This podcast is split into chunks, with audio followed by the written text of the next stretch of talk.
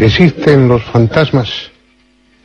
Cualquier persona sensata y culta dirá que no. Y se estará equivocando. Porque hay una cantidad innumerable de testimonios que afirman lo contrario. Y muchos de esos testimonios proceden precisamente de personas sensatas y cultas que hasta ese momento pensaban que lo de los fantasmas era una pura tontería.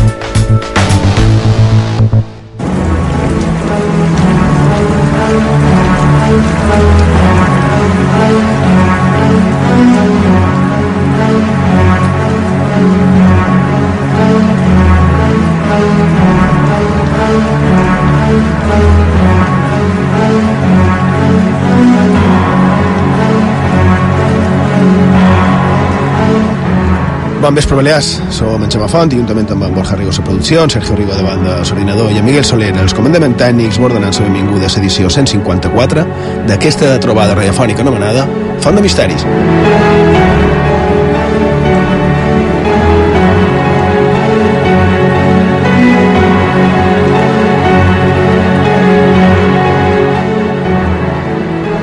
Bon vespre, Borja Rigo.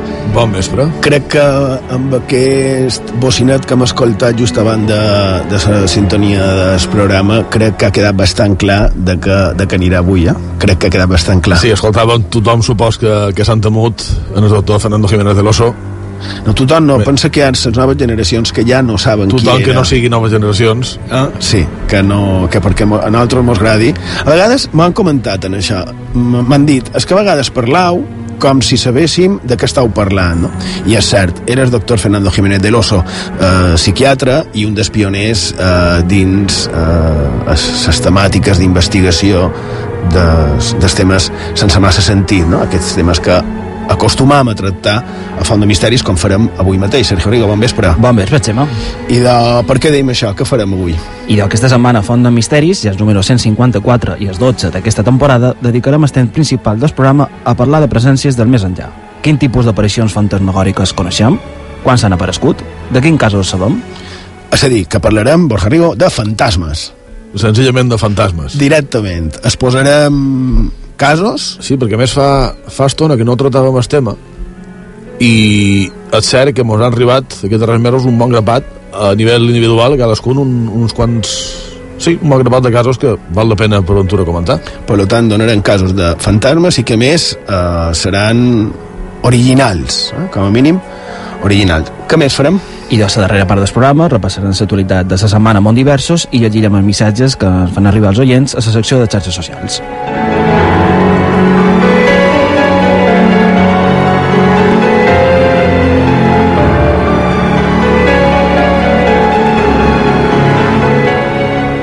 Per les xarxes socials per poder contactar en, en Font de Misteris mm, tenim, Sergio, ses formes obertes i a més, el d'avui és un d'aquests programes, com ha dit ara en, en Borja, on és vera que ha estat molt important, fins i tot fonamental, sa participació no? de, de tots, perquè ens heu fet arribar molta, molta informació. Qui, bé, les xarxes estan a punt, ho tens tot en marxa, Així- així i és. com, com poden contactar nosaltres? I d'allà es podeu enviar els vostres comentaris i suggerències, ho podeu fer a Facebook i Twitter cercant Font de Misteris, també el WhatsApp del programa, el número és 659 16 69 52. Repetim, 659 16 69 52 i en el correu electrònic fontdemisteris arroba ib3radio.com.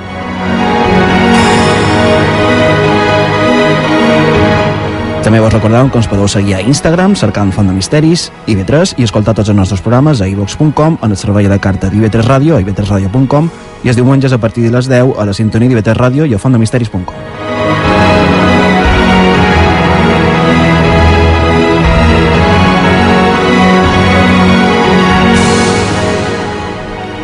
En el programa passat, des de la setmana passada, vàrem comentar això de les tràgiques casualitats i coincidències que es varen donar en el voltant del terrible accident d'avió que varen patir a, a Colòmbia, entre d'altres un equip de futbol de la primera divisió des, des Brasil, i varen comentar el tema de que hi havia un o varis nins que deien que va aparèixer sense saber ben bé d'on i que va ajudar en les tasques de rescat dels pocs sobrevivents que hi va haver en aquell accident. I nosaltres, aquí, en el programa, en els estudis d'Ivetra Ràdio, ens demanàrem que qui era, no? que d'on sortia. Bé, en Miquel, tens es, esbocinat del programa de la setmana passada on, on ho dèiem, en això? I per si no fos tot això suficient, i això per allà ja és molt fort, eh? segons premsa, varen aparèixer el dia de l'accident un nins de devers 10 anys que ajudaven a les persones, a les primeres persones que varen a, a anar a socórrer en els accidentats. Nins que varen aparèixer, no se sap ben bé d'on, que varen donar instruccions i tal com varen venir, varen desaparèixer i que a més interactuaven amb els que anaven a, a rescatar a les víctimes dels accidents. I d'aquests nins, d'aquests nins de 10 anys, no s'ha tornat a saber res més verdaderament és impressionant.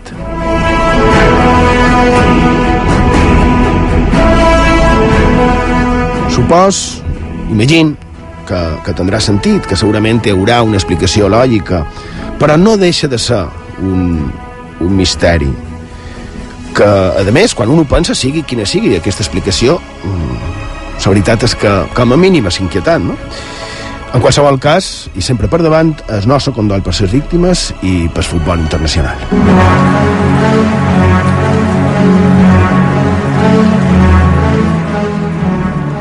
I de com vàrem dir la setmana passada, ho repetim. Segur que hi ha qualque explicació. I de com a mostra de que no només ens fixam en el misteri, sinó que tractant de cercar respostes, si vos pareix, ho comentam perquè encara que si és cert que ens agrada la part del misteri, ens agrada cercar també respostes i aquí sembla que tenim la que es correspon amb aquella aparició infantil.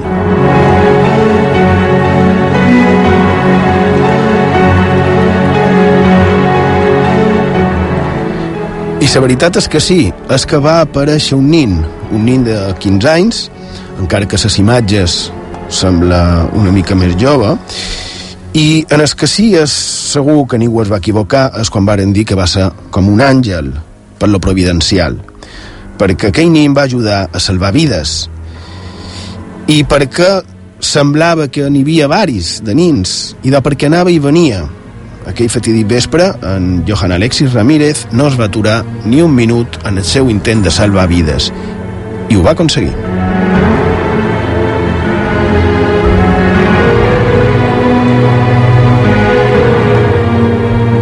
Era casa seva, enmig de la muntanya, amb el seu pare, quan varen sentir com un renou molt fort, com un bronzit, acompanyat d'un tro, varen botar del llit, pues, per renou, i sortiren a, a goitar dins la foscor no? de la nit freda, però quan no varen veure res, se'n tornaren cap a dintre, perquè no, no hi havia foc, no hi havia combustible, per tant no va haver una explosió. I estant una vegada dins casa seva, quan a les notícies varen sentir la de l'accident, varen intuir, lògicament, que aquell renouer que havien sentit era aquell avió i que, més, només era a 4 minuts a peu de casa seva. Així que anaren, tots dos cap allà, per si podien donar un cop de mà.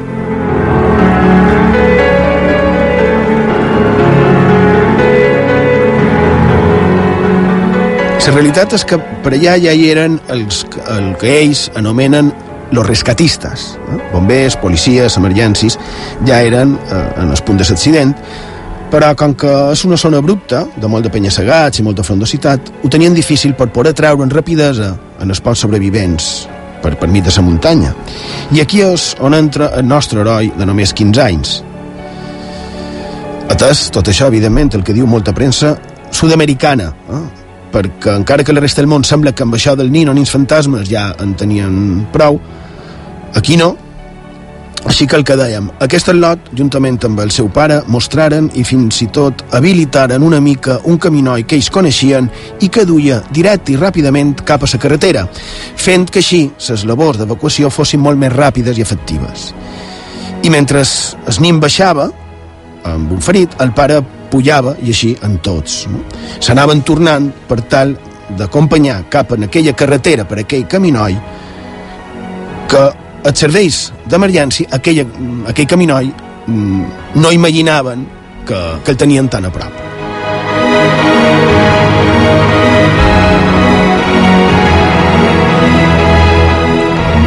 Varen estar ajudant fins de bé les dues de la matinada quan un policia els hi va fer anar-se'n perquè deia que havien anat amb intencions no gaire clares.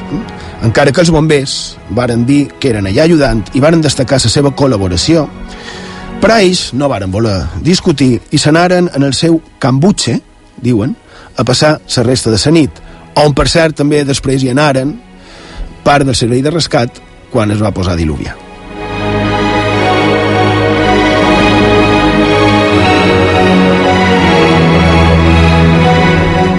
Aquest lot, a punt de començar el que aquí a ses batxillerat, Mm, la setmana passada, després d'aquests fets, va ser condecorat en el seu municipi, però no per lo que pensam, sinó pel seu profit acadèmic.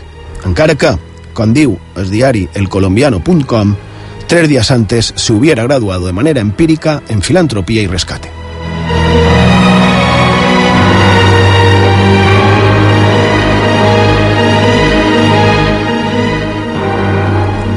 Som conscients que altres programes només s'han quedat amb el fet que, que més ven, no? que és un infantasma, un àngel misteriós i, i tot el que en revolta eh? aquest tema, la temàtica paranormal. Però nosaltres preferim quedar-nos en la realitat, el manco en aquest cas. Y cuando escuchamos ese ruido tan impresionante y nosotros pues nosotros no pensamos nada malo. Ya yo me vine corriendo hasta acá, hasta arriba, hasta la finca principal donde estaban los policías, todos los carros, y les dije que, que, que bajaron hasta, mm, hasta donde estaban los heridos. Yo traía a una persona, pero se les estaba ayudando, y ya estaba amarrado, ya estaba todo bien, ya estaba en la camilla, cuando de un momento a otro se murió. on la història es torna llegenda, a on el més quotidià es torna màgic. Acompanya'ns a la nostra font de misteris a IB3 Ràdio.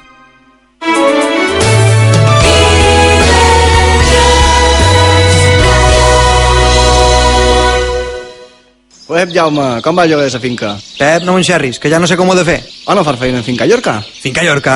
Clar, ets l'empresa de lloguer vacacional més important d'Alemanya. Amb ells te pujaran les reserves seguríssim. Val, val, com ho faig? Entra a fincallorca.es i ja te diuen què has de fer. Espera, espera, que m'apunt. Finca que? fincallorca.es Finca Llorca apuntes. Au, me vaig a mirar-ho. Les dones a les Illes Balears són un 49,99% de la població. A dones, la vida en perspectiva de gènere abordant temes que ens afecten a tots, homes i dones. Parlam de poder, d'urbanisme, de viatges, de la cura, de la pornografia, la violència o del masclisme. 60 minuts cada setmana per ampliar la nostra mirada. Dones, la vida en perspectiva de gènere. Dimecres, a les 6 del cap vespre, a IB3 Ràdio. IB3 Ràdio t'ofereix la millor qualitat de recepció. Sintonitza la ràdio pública de les Illes Balears. Eivissa i Formentera, 93.7. Misteris i llegendes a Font de Misteris, amb Xema Font.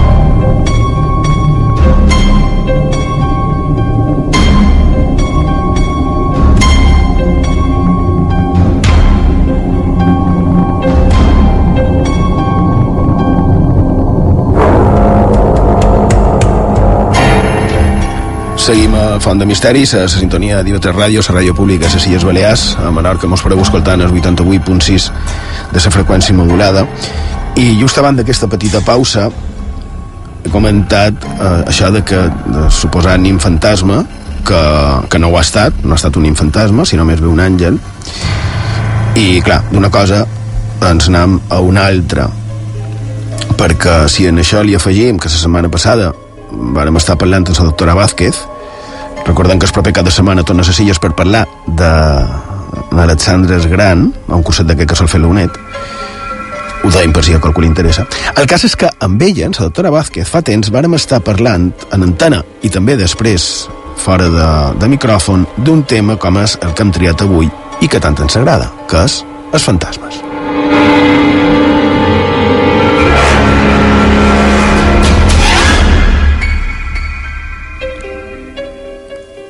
Les fantasmes, com es deia antigament.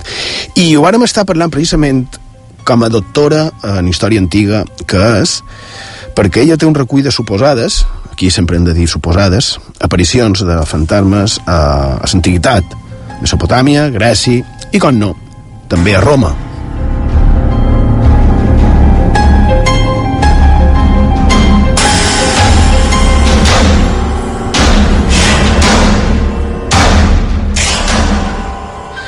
I nosaltres som de l'opinió que els fantasmes no tenen temps, serien atemporals. Serien, si és que han de dir que són qualque cosa, clar, però els de Roma, fantasmes, a Roma, l'antiga Roma, i de com que l'antiga Roma va estar per les nostres illes, crec que és ben hora d'aprofundir en un fet que pens que encara no han tractat com toca, a Font de Misteris, que és els fantasmes de Poyentia. Sergio, podries explicar aparicions fantasmals a l'actual Alcúdia? Ton Estret, què diu? De què parlem? I d'això ho va dir en Mascaró Passerius, historiador que va viure entre 1923 i 1996 i que fou de la famosa història de Mallorca, de nou volums o història de Menorca, entre moltes altres obres. Passerius, en un llibre molt interessant, tot s'ha de dir, de 1974, fa una afirmació que tot tret xema, segur que ho recordeu, ens va cridar molta atenció. Ni més ni manco, i citant un altre historiador, en Mentanyol, ens diu que a Solitòria i Santa Anna, a prop de la ciutat antiga de Poyantia, els antics habitants deien que per ses nits veien creuar els esperits dels soldats romans morts en el combat per la defensa de la ciutat de Poyantia, en el segle IV, i que recordam fou atacada, incendiada i destruïda.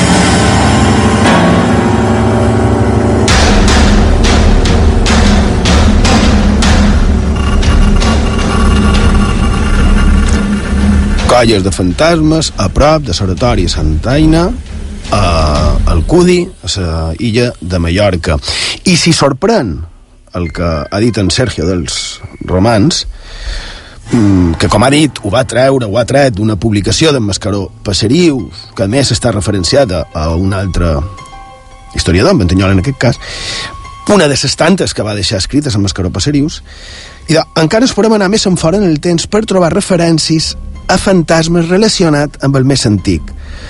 Amb el més antic, però clar, també en l'actualitat. I en aquest cas ens anem en el costumbrista, en Joan Amades, que també ens parla de fantasmes, és l'antiguitat més antiga, per entendre-nos. De fet, diu, textual, dins un dels nostres llibres de capçalera, el costumari de Amades.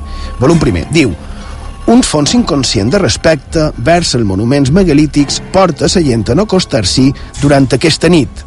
Explica que hi surt la por, que les bruixes ballen per la seva vora o que capetgen per la rodalia fantasmes i d'altres éssers fantàstics.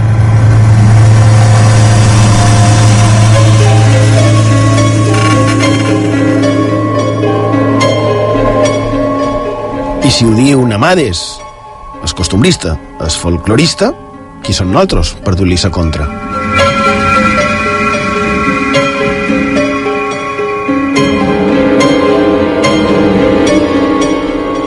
És a dir, parlant seriosament, que segons les antigues creences, els antigues costums, així ho va recollir el costumari català. En els indrets on hi ha monuments megalítics, i d'això les nostres illes en tenim un bon grapat, i d'en aquells punts, per les rodalies, hi hauria fenòmens estranys. I afegeix l'autor que la gent no s'atraca una nit determinada de l'any.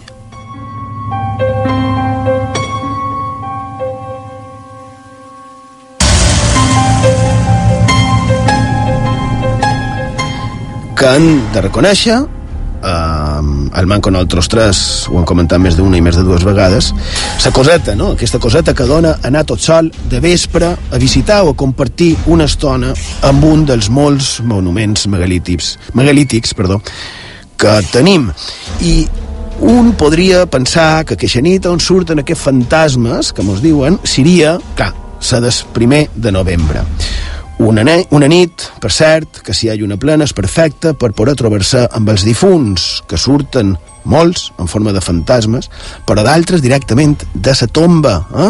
Així també ens ho diu el mateix autor, en aquest cas volum 5 del costumari català, que afegeix que és bon moment per a veure els éssers estimats que han passat a millor vida. I per això, hom els es va esperar i a trobar pels indrets solitaris i despoblats per on solien anar. Car així, hom pot passar amb ells un moment.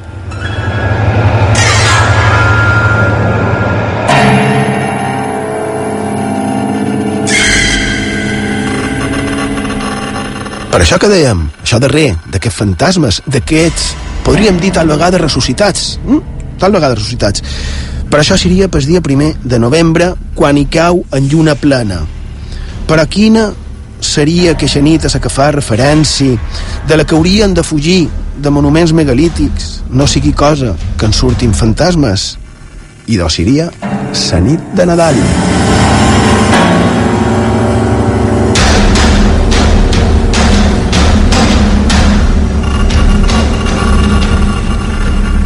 A en Borja se li acaba de canviar la cara. Aquesta no me l'esperava, francament.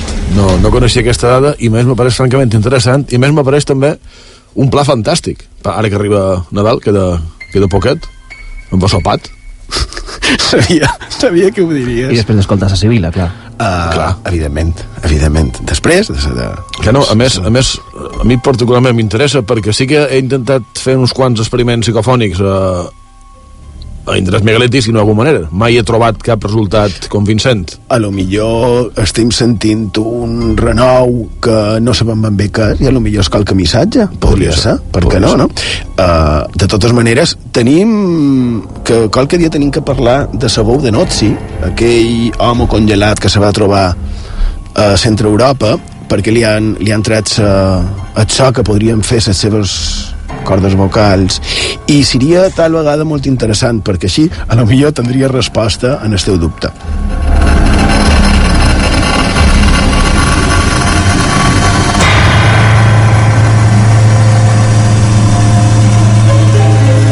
I ja que estem en tu, Borja, i també en temes atemporals, hi ha una cosa, i a més tothom ho sap, que ens agrada molt, que és la interactuació amb, amb els oients. De fet, no, no de vegades, eh, en el començament de cada programa dèiem que això és una trobada, que volen ser un punt de trobada. I la veritat és que realment mm, tenim la sort que, que és així, pensam que ho aconseguim, però a més, hi ha també una altra particularitat referent a això, i és que en Borja és el cap visible d'una empresa que es diu rutesdepalma.com, que bé, és una empresa que fa passejades per, per la ciutat de Palma, on es conten historietes, no?, d'aquestes que tant ens agraden, historietes que, evidentment, com a Font de Misteris, estan sempre documentades, però historietes. I bé, al igual que, que en el programa mitjan, eh, mitjans les xarxes que duen Sergio, i de sovint Borja te, te conten històries. I sí, direm històries sovint desconegudes i on la temàtica estranya sol ser la protagonista. No?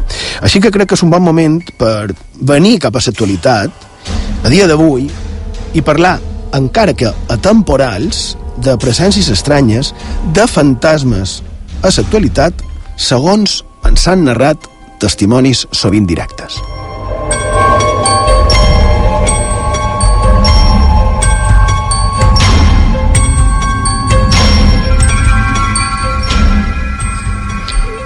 I de, i de sí, la veritat és que en aquest darrer mes, us ho dèiem en principi del programa, eh, mos han arribat alguns testimonis, eh, podríem dir, eh, de successos que varen passar a les nostres illes, o que estan passant a les nostres illes, i que tenen a veure molt amb fenòmens tipus poltergeist per aventura o amb aparicions fantasmals pròpiament dites.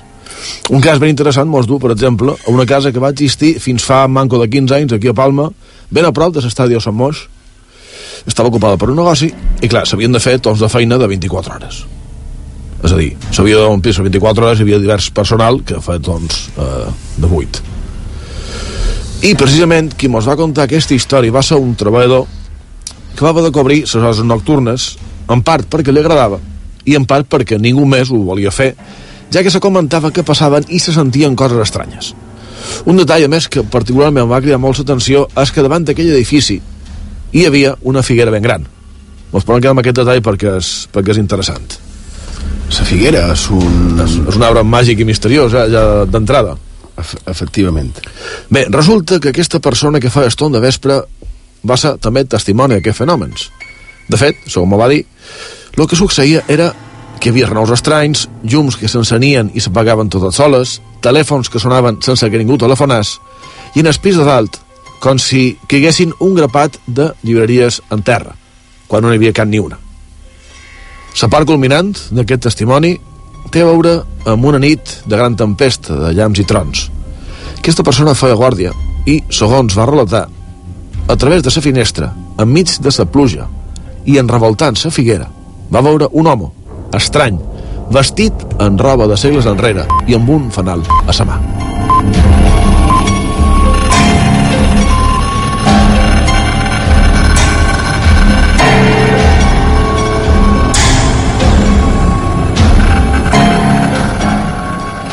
I ara, si voleu, un parell de, de punts breus, unes informacions que me van arribar i damunt les quals, si qual coient també té més, més dades, i doncs seran més, més que ben rebudes per anar completant precisament no, aquest trencaclosques de misteri, podríem dir. Són unes informacions curtes i totes en el voltant de la plaça de les Drassanes, també aquí a Palma, allà on hi ha una estàtua dels navegants Jaume Ferrer, també, per cert, ple d'enigmes i, i misteris, com han comentat qualque vegada. Estem parlant de prop de la llotja, eh, a prop de, de, de que seria el consulat de mà, de, de, eh, a la ciutat de Palma. I de, la primera va succeir, segon pareix, a final dels anys 80 del segle passat, i en fins i tot, segon me varen dir, de primera mà, de primeríssima mà, en diverses intervencions policials. Intervencions un local, un bar amb un soterrani, podríem dir encantat. Allà les coses se movien totes soles i fins i tot hi havia qualque presència, ja m'enteneu, que no hauria de ser.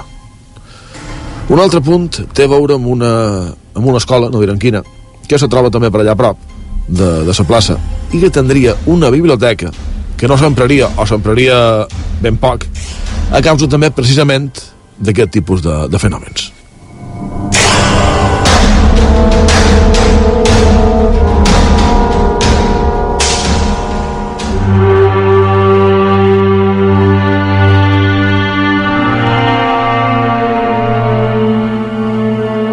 I tornant allà on hi ha en Jaume Ferrer, segons mos va arribar també fa ben poquet, a una d'aquelles cases, com a referència direm, que té una façana molt estreta, deixarem així, tampoc és tan difícil de trobar per ventura, i de, compareix allà dins de tant en quant una dona fantasmal. Aquella zona d'allà, la zona de la llotja, en, en té un bon caramull d'historietes d'aquest tipus. La mà dels morts just darrere, per, per, eh, per exemple. també un cas que van comentar un altre edifici públic molt a prop d'allà, un miracle en Sant Vicent Ferrer just en el carrer de darrere també, N'hi ha, n'hi ha. Hi ha, hi ha molta història, bé, també és lògic, és, és, és, és part antiga de la ciutat, i llavors també és més... És bastant lògic, no?, que hi hagi tantes historietes. Mm, tens més, agafa una altra, si vols. I doncs sí, tenc per aquí un altre ben, ben interessant. Mentre la cerques uh, i la prepares, m'ha vengut en escap, has dit una cosa d'una escola. Uh, a Calvià hi ha una escola també on uh, sembla que s'apareix la figura d'un home major. Mm, mos ho han dit, mos ho han repetit, però m'agradaria si qualcú té més informació i me la pogués donar. Un home major que apareixeria a dins una escola per de vés Calvià, a Silla de Mallorca. Què més tens? I d'un altre també en format molt molt breu que mos torna a dur Palma, concretament en el carrer del Carme, que a més també està ben ple de misteris, de bruixeria, d'històries de dimonis, de... bueno, més, més assumptes aquests que ens interessen. Però el cas és que fa unes setmanes me contaran també que deu fer una vintena llarga d'anys a un dels locals que ja existeixen va aparèixer a ses parets allò que me varen dir, me varen definir talment com a cares de Belmez a Palma.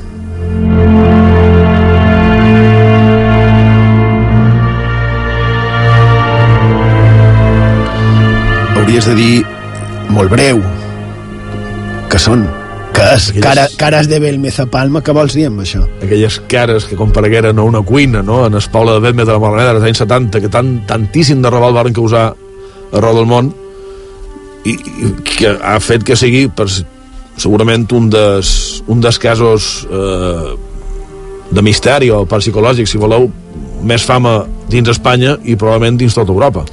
Uh, sí, i a més diuen que és el fenomen paranormal més persistent en el temps perquè fa de més 43 o 44 anys que està en vigor. I és l'aparició d'unes cares dins les parets i el terra d'una casa, com ha dit a Belvet de la Moraleda. I ja que estem en testimonis directes del que li han contat a un o un altre resulta que no fa molt allò me'n varen contar un.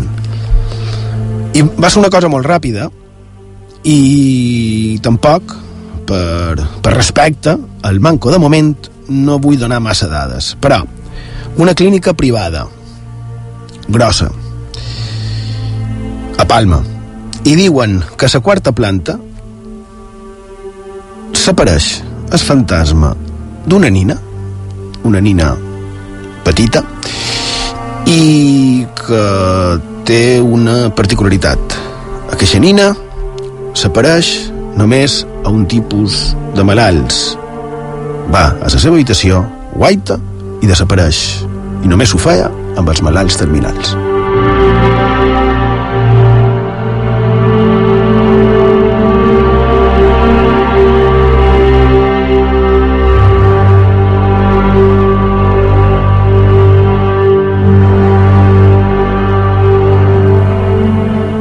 allò m'ho va contar una persona que feia, feia feina allà, molt amable, i m'ho va contar quan va saber que, que fèiem aquest programa, que fèiem Font de Misteris i Vetre Ràdio. I, I la veritat és que li estic molt agraït. Si qualcú més té més informació, també agrairíem que me la fessin saber. Estem parlant d'una clínica privada perquè Uh, ara en Sergio quan puja la musiqueta que sempre comentant cosetes que qualque dia mos aglapiran diguent-ho en, en pantera uh, deia però no és la mateixa que tal l'hospital no, perquè és que tu dius ara és, és públic per cert, uh, hospital públic fa poc va haver sembla una intervenció de forces d'ordre públic a un hospital, també de les nostres illes, sense massa explicació. Uh, no em mireu amb aquesta cara, és que m'ho varen dir fa dos dies. Mm, si qualcú té més informació, també, sí, sí, també la- l'agrairíem. També l'agrairíem. I en tenim un altre també molt recent, aquesta m'ho varen dir fa un parell de dies, però va succeir a lo millor fa d'haver un mes. Però tenim una molt, molt recent, Sergio, que te va arribar directe, però directament a tu. Molt directament. Aquest cas en du fins a l'Aró, a una casa de colònies, i va succeir, com dius, només fa unes setmanes. El protagonista, un jove de 24 anys que es va trobar a lo impossible. Devien ser les 11 del vespre aproximadament quan decideix aquest lot anar cap a l'habitació on tots dormien per agafar el carregador del mòbil. Anava tot sol. Segons ens va contar, va succeir així. Arribar a l'habitació i de cop, en direcció en el bany, veu de cop una nina de 3 anys, a mig de l'habitació. Era petita, duia espatll llarg, i sobretot el detall que més me va impactar és que anava vestida de blanc. L'aparició durà, diu el testimoni, uns dos o tres segons i pràcticament a la carrera va tornar a l'habitació on estàvem els altres i tremolant ens va contar el que, havia de, el que acabava de veure. El primer que va fer clar és demanar si la nina era d'algú de, no, de, no, de nosaltres, però no, allà a Xema Borja no hi havia ningú que pogués tenir una filla petita en aquelles hores de la nit. És inquietant. Mm, jo lo, lo que te vaig demanar també, quan mos ho vares comentar tot dos, se pot dir amb- també amb antena. No serà que aquest com, company, o amic, o el, això teu, eh, no ho hagués fet per fer una miqueta de, de gràcia, de, de, de broma, eh, per, perquè fas un programa de misteris a la ràdio pública a les illes. El que vaig veure era ben barant, estava tremolant i estic segur que no, que no mentia. I d'allà ho sabeu, en el Riguer de Mallorca, a una casa de colònies, una aparició fantasmal d'una nina.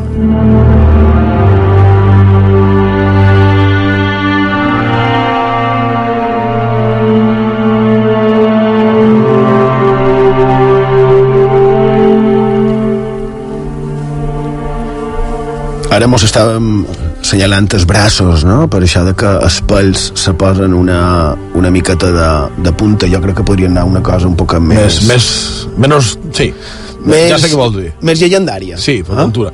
Per cert, vull dir que damunt d'aquest cas que ha contat en Sergio, jo ja he començat a fer deures.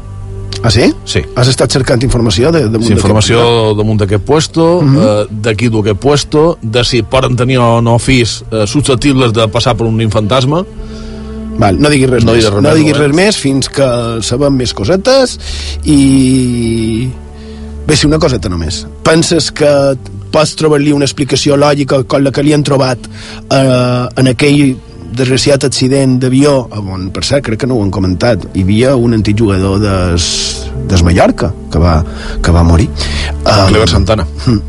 Mm, però el que, el que dèiem, que si creus que té una explicació lògica... De moment, no. De moment no. De val. moment no. I de vés tenir un altre que no deu tenir una explicació tampoc, però que el manco forma part del nostre llegendari. I d'ara sí, un petit relat fantasmal d'aquell que, ve, que també va saber recopilar, que era en Biel Sabrafín, en seu llibre de llegendes i contes quasi oblidats. És el que li va succeir en en Simonet, un pagès de Son Pons a Menorca.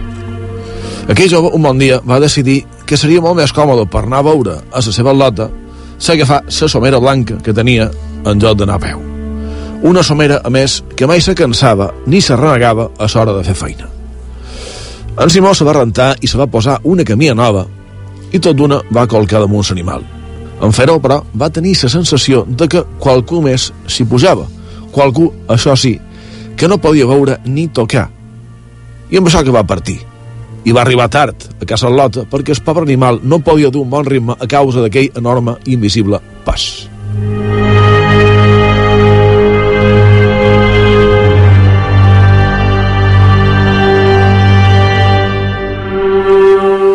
Així un dia i un altre, que sempre arribava tard, i més que atemorit, fins que, sense poder aguantar més, li va contar Lota i decidiren casar-se i anar-se'n en fora a viure.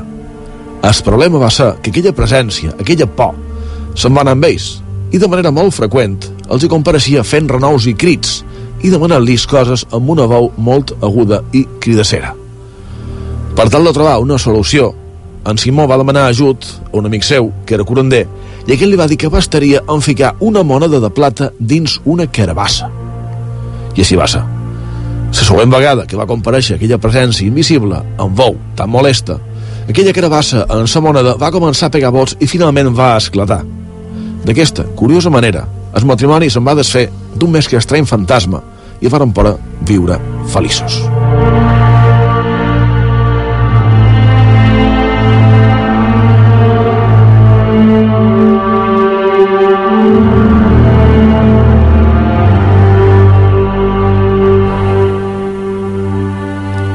I de, hem vist que, que això dels fantasmes és recurrent, és repetitiu, només han, han fet una ullada des de ben antic, per la curiositat, com en els temps moderns, no? tan moderns i actuals com, com d'ara mateix. Ara, sabeu que me recorda aquesta veu que tenia aquest suposat fantasma de Menorca? No. A la veu que li atribuïen en aquell altre cas tan famós que està considerat un dels primers poltergeist a Espanya, que era el Duende de Zaragoza. Recordeu que tenia una veueta molt aguda i molt estranya que deia Pasquala, Pasquala, etc etc. Anys 20. Sí, anys 20 del segle passat. Interessant, quan no. Bé, mm, això, és que n'hi ha, ha un, bon, un bon grapat de n'hi ha un bon grapat de casos i nosaltres avui hem dit només eh, els que mos han, fet arribar aquesta temporada. No han dit casos així en general que haguem dit abans que haguem comentat altres programes dedicats a aparicions. El d'avui crec que tots eren la primera vegada que els citàvem tal vegada a excepció dels romans. De totes maneres, eh, per tots aquells que no hi creuen, ni en això ni en res, repetir que nosaltres no inventam res, només donam veu a altres que ho han dit amb anterioritat. Tampoc sabem que són o que deixen de ser, però sí sabem que des de ben antic s'ha pensat que podrien existir, que podrien ser una realitat, aquí i per tot el món. No? I fins i tot l'Església Catòlica, tan present, no? els va assolir com a possibilitat. I també sabem i tenim clar que qui ens ha manifestat que els ha vist també verdaderament ho creu. Per als testimonis, normalment és una realitat, és una certesa. I ja se sap, no? Diuen que quan el riu sona...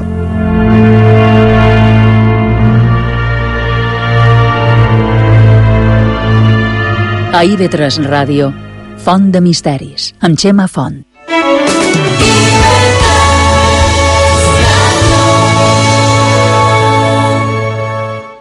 Pa, para, para, pa, pa.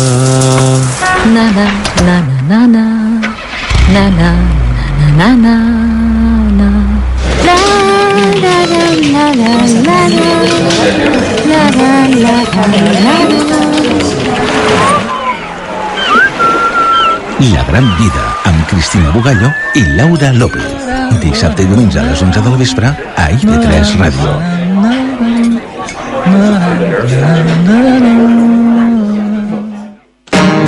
Tan ganes de cercar la llibertat, de posar-me xandall i deixar d'estar aturat, agafar-se de velo i bugar el contravent, ser capaç de creure que pots ser el meu millor intent. Dilluns a les 6 del cap vespre, feim quilòmetres. Feim quilòmetres amunt i avall, Amb Joan Martí i Mercè Valero. allà on les coses passen quan...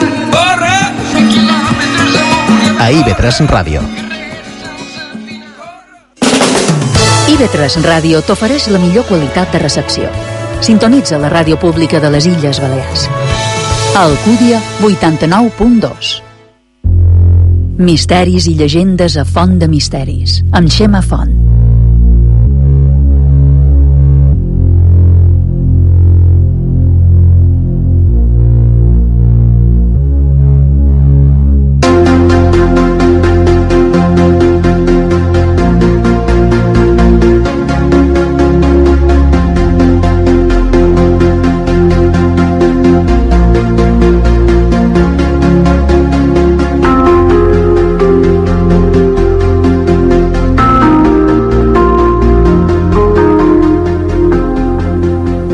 Seguim a Font de Misteris, a la sintonia d'IV3 Ràdio, la ràdio pública de les Illes Balears, a Eivissa i Formentera, mos podeu escoltant el 93.7 de la freqüència modulada. Començam aquesta secció que nosaltres anomenem Mont Diversos, on tractam d'espipellar un poquet el que passa en nostres voltants i ara en Borja me feia una senya cap a les orelles, supos que és el que estim escoltant i mm, digueu, vol dir el que estim escoltant, Borja doncs estem escoltant eh, el primer tall, el primer track del disco nou de Jean-Michel Jarre. Un altre oxigen, oxigen 3, en aquest cas seria l'oxigen 14, i seria una espècie de retorn en aquell origen, no?, de, de anys 70. I més, és una, és una música que, que convida a, xerrar de misteris.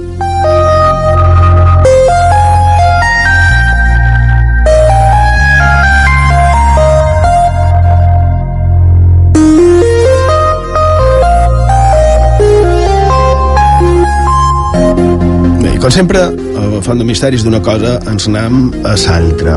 Mm, I aquesta està relacionat amb el que vàrem parlar fa dues setmanes, crec que va ser que vàrem parlar de- d'estàtues de, que, que prenen vida, i d'aquí el cap se mos va anar cap a es Quixot.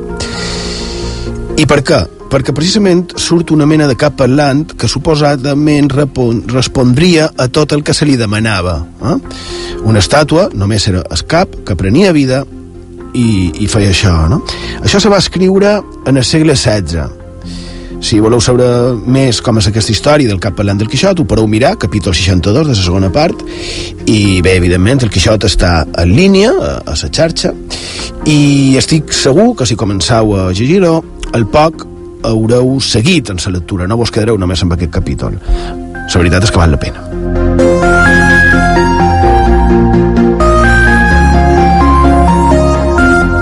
I bé, la veritat també és que mos encanta, m'encanta fer un programa com aquest, com a Font de Misteris, entre d'altres moltes coses, perquè un comença a estirar un fil i mai sap fins on arribarà. Sovint ens passa això, no? Casualitats, coincidències, serendípies, li diuen ara, i, i semblants.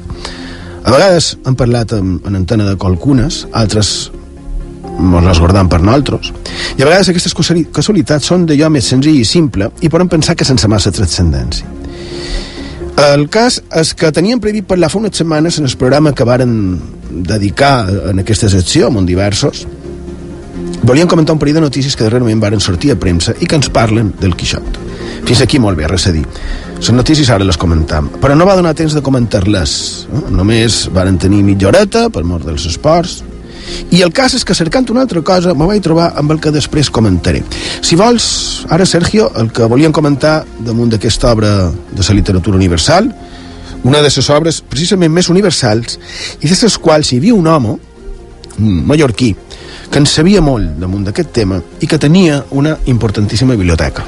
Sí, Gemma, ara relacionam una vegada més el Quixot amb les nostres illes, perquè van conèixer de, de vés fa un mes que la Universitat de les Illes Balears i la Facultat de Filosofia i Lletres amplia esforç cervantí Casasallas amb 40 noves obres.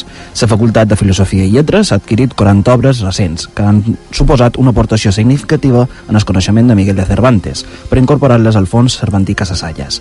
Aquest fons es conserva a la Biblioteca de Soñador, una de les millors biblioteques del tema cervantí de l'estat espanyol. La UIP va comprar la Biblioteca Casasallas l'any 1996 en el senyor Casasallas, advocat i prestigiós cervantista, a més de propietari d'una de les pastisteries més importants i de, també és tradició de Palma. Bé, té més 24.000 volums. És, és impressionant la curolla d'en José María Casasallas Trullols amb en Cervantes. Salutacions a la seva família. I, clar, un pensa que amb en Cervantes, i encara més amb el Quixot, després de 400 anys, hauria d'estar tot dit. I de no, Sergio. I ara, Xema, anem amb una altra notícia, també relacionada amb Miguel de Cervantes, que han conegut en el diari La Región.es, que diu Localiza a un hidalgo que atacó un molino de viento en el Toboso hacia 1594. Un hidalgo caballero venido a menos atacó un molino de viento en el Toboso, en Toledo, entre 1594 y 1595, a media mañana, y con testigos. Fue juzgado y encarcelado por la Inquisición, porque también cortó con su espada una cruz de madera, pero finalmente se libró pagando 3.000 maravedíes de costas.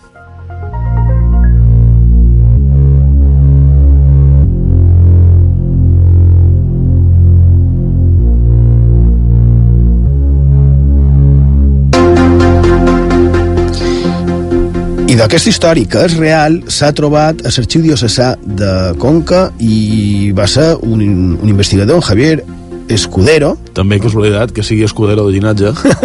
lo millor és això que li va incentivar no? a, a fer-ho però, però és molt curiós i deia abans això de les casualitats perquè resulta que que l'altre dia mm, mirant unes coses de Menorca me vaig trobar un escrit d'un tal José Cotrina, que parlava de la relació que podria haver entre Quixot i Menorca. No? Es tracta d'un escrit dels anys 50 del segle XX i es nota en aquest escrit que de totes totes vol relacionar la nostra illa amb aquesta obra universal. No? Fa unes referències que tampoc val la pena aprofundir massa, perquè, clar, Mallorca la, la cita, però Menorca no. Tampoc té major importància. Però el curiós ha estat que resulta que en Esquixot surt una cita referida a un tal Micael Berino, i aquí estaria gràcia. Resulta que aquest Micael, segons qui i com, diu que era menorquí. Fins on fa molt es tenia com un dels menorquins il·lustres i segons com i qui diu que era italià. En qualsevol cas, aquest Miquel de Verí, o Micael Verino, va ser un atlot que va morir en només de 7 o de 8 anys i ja va deixar referències per tenir-lo com un dels grans de la seva època. Mm? Va morir uns 20 anys abans de la publicació del Quixot i en Cervantes el cita. Crec que hauríem de tractar de saber més d'aquest lot, de la seva obra, i més quan a una de les seves minibiografies no? un se troba coses tan interessants i sorprenents com això que tenc aquí. Estret de la Biblioteca d'Escriptors Balears de Joaquín María Bové, també s'ha de dir, eh? perquè té-la. Referit en aquest lot, diu, su conducta fue tan ejemplar que según Angelico, Angelo Policiano, en su última y rarísima enfermedad que describe Ibarra, el remedio único que encontraron los facultativos para curarle fue el matrimonio, pero Beri prefirió la muerte antes que manchar su pureza, haciendo holocausto de su existencia en aras de la castidad cuando apenas tenía 18 años. Ell havia optat per no mantenir mai relacions sexuals, abstinència voluntària. El que deia, hauran d'aprofundir dins la vida i llegendes d'aquest Miquel de Verí o Micael Verino.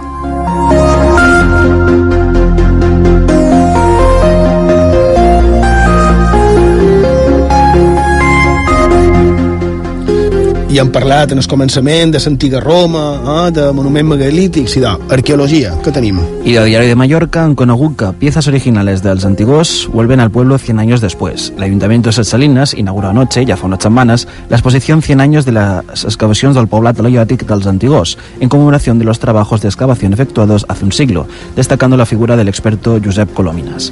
Cabe explicar que els antigos, situado a un kilómetro del casco urbano de Salinas, es uno de los mejores conservados de la isla. Mantiene gran parte de su muralla y en estos momentos pertenece a dos particulares. Consta de seis talayots y sorprende el hecho de que aún falte más de un 90% por excavar.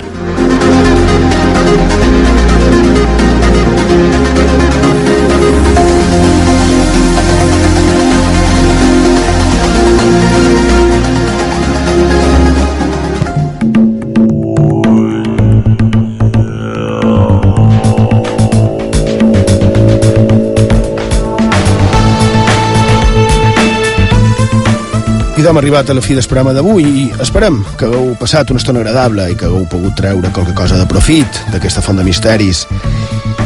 I bé, crec que han de ser una mica autocrítics. A més, com ja se sap, tot el que no millora sovint pot anar cap a pitjor. I per això deman, ningú no s'està donant compte de lo tric que és que els seients sovint estiguin sortint en els diaris i és per les coses més desagradables, absurdes i moltes, massa, de lo més terrible que un imaginaria a un món civilitzat i a un dels principals destins turístics del món. Un parell d'exemples. A on es va posar de moda i cada any hi ha més al·lots que sovint, baix efecte de drogues o l'alcohol, fan aquell absurd anomenat balconing? O quina és una de les comunitats amb més casos de violència masclista? O quina és la comunitat que fa poc va sortir en els diaris per tema de violència a les escoles i en presència policial a una escola de primari? Quina és la que és coneguda arreu d'Europa per tots els seus casos de corrupció?